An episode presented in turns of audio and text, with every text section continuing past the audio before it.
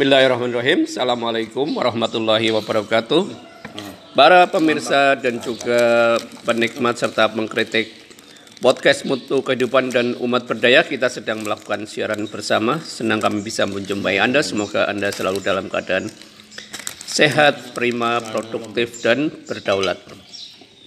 Telah hadir di studio Pak Haji Joko Suprianto dan juga Pak Markono untuk melanjutkan perbincangan tentang ibadah dan dakwah. Kemarin kita sudah menyinggung bersama bahwa eh, memahami ibadah itu menjadi dasar penting untuk orang melakukan dakwah. Dan juga disampaikan oleh Pak Markono bahwa bertatapur alam memperkenalkan bagian-bagian negeri itu menjadi langkah penting untuk memperkenalkan dakwah eh, pada melalui alam semesta. Kali ini kita eh, akan memperbincangkan eh, jika dakwah harus dilakukan, karena itu menjadi bagian dari kewajiban individu, maka apa isi dakwah yang pokok harus disampaikan eh, pada tingkat dasar ini agar dakwah itu sesuai dengan arahnya dan juga menyasar kepada tujuannya. Mungkin ke Pak Markono dulu. ya, ke Pak Markono dulu. hmm. Jadi pertanyaannya adalah Pak Markono sambil diminum dulu. Kalau eh, dalam pandangan banyak keluarga kenapa apa sih sebenarnya yang diharapkan dari dakwah-dakwah yang dilakukan oleh para uh, penyebar agama ya penyebar agama Islam baik di mimbar-mimbar maupun di uh, masjid-masjid gitu Pak Margono. Monggo Pak Margono. ini seharusnya yang bertanya malah yang yang menjawab ini yang ahli dakwah nah, saya tidak tidak ahlinya bukan ahlinya. Kalau yang dibutuhkan apa biasanya oleh keluarga keluarga Indonesia? Kalau saya itu ya Bismillah Alhamdulillah sehat semuanya. Kalau saya itu prioritas itu masalah eh, pertama masalah yaitu tauhid dulu. Artinya tauhid. uh, pada keluarga itu kita kenalkan uh, masalah keesaan Allah. Terus uh, Allah itu yang harus kita sembah dan lain sebagainya. Masalah tauhid lah. Itu yang pertama. Kemudian kalau kemudian kalau harapannya kalau tauhidnya sudah kuat baru ke mungkin hukum-hukum ya pikir syariah dan lain sebagainya. Untuk mengenal termasuk bagaimana menghargai orang tua bagaimana kita harus bersosial hukum-hukum dan lain sebagainya pak cara ibadah dan lain sebagainya. Mungkin sementara itu pak. Kenapa tauhid menjadi prioritas dasar? Yang penting tuh ya pak Markono iya pak penting karena nabi itu dulu itu yang penting kan perintahnya kan tauhid dulu. Mengenalan kepada Allah dulu. Nah, kalau saya begitu. Baik Pak Markono terima kasih. Nah kemudian ke Pak Joko ini. Uh, disampaikan Pak Markono bahwa tauhid itu menjadi materi dasar yang penting dalam dakwah ya.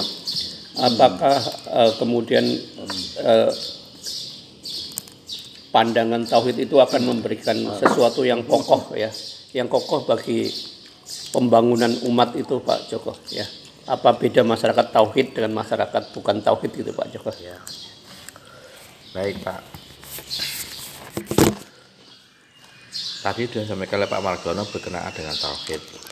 Tapi Alhamdulillah kita itu beruntung di masyarakat Indonesia yang mayoritas itu adalah umat muslim sehingga begitu kita lahir dengan sendirinya sudah terkondisi masyarakat sekitar itu sudah mengarahkan sudah me- mengkondisikan mengkondisikan seseorang itu ke arah ketuhanan yang maha Esa. Itu beruntung Hmm. sehingga tan- tanpa Upaya yang begitu tanpa besar. upaya yang yang khusus. Itu dengan sendirinya mereka sudah terkondisi nanti akan mengarah eh, akan memah akan me- menghayati adanya tauhid itu. Tauhid kepada tauhid kepada Allah Subhanahu wa taala. Azza wa jalla. Gitu. itu dengan sendirinya.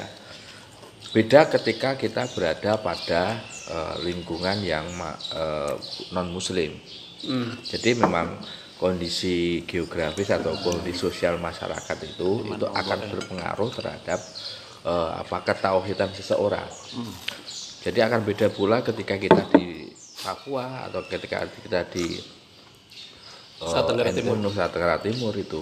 Jadi untuk memahami ketauhidan itu itu sangat susah atau Itu upaya ada- lebih ya?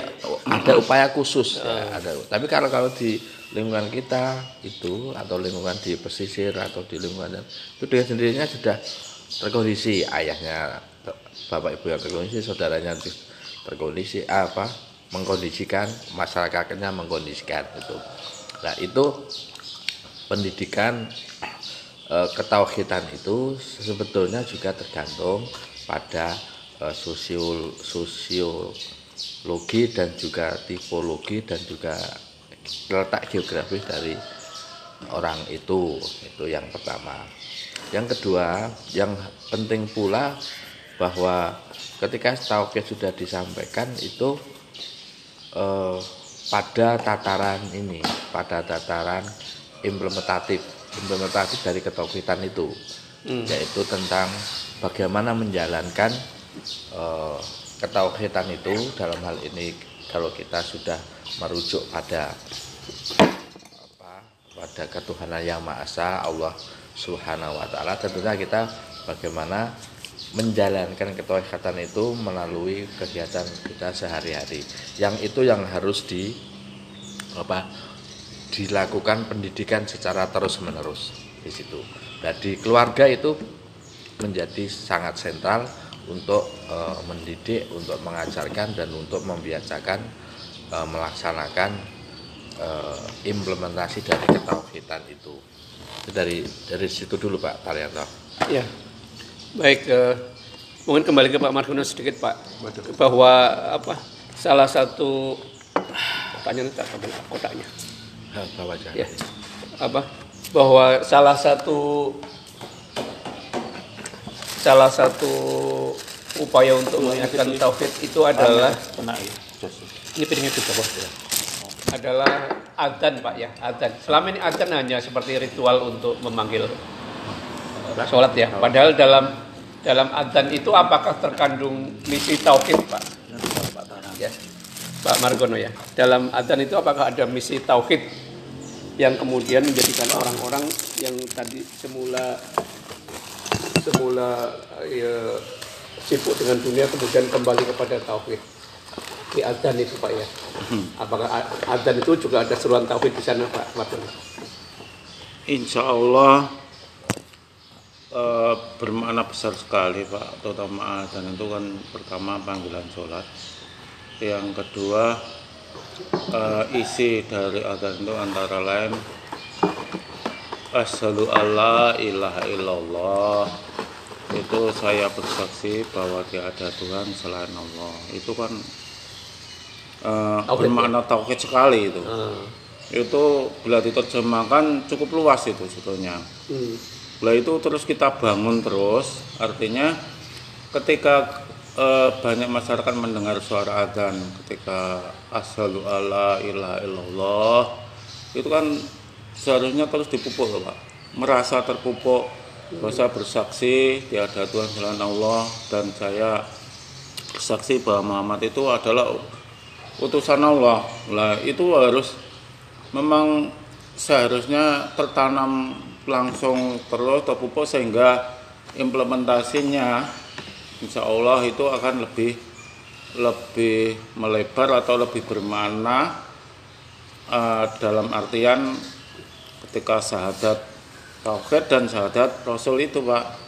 Sehingga apa belum lain-lain. Misalkan saya Allah sholat marilah kita sholat lah dan sebagainya. Lah itu kan bermakna banyak sekali.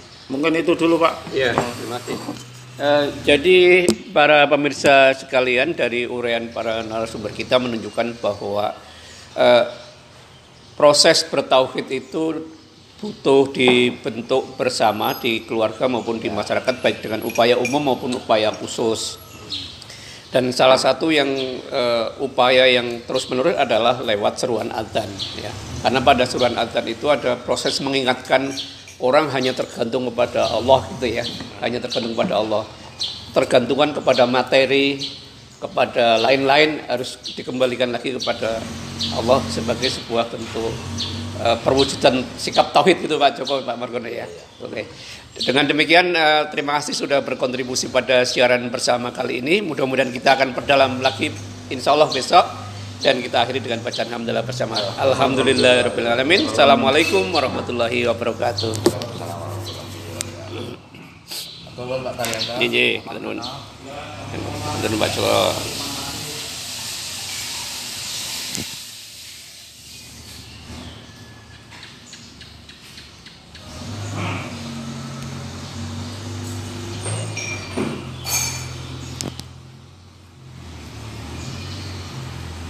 Dipakai enggak pak kalau enggak tak pak buang ya Apa? pasti gini Tak bawa, bawa pulang.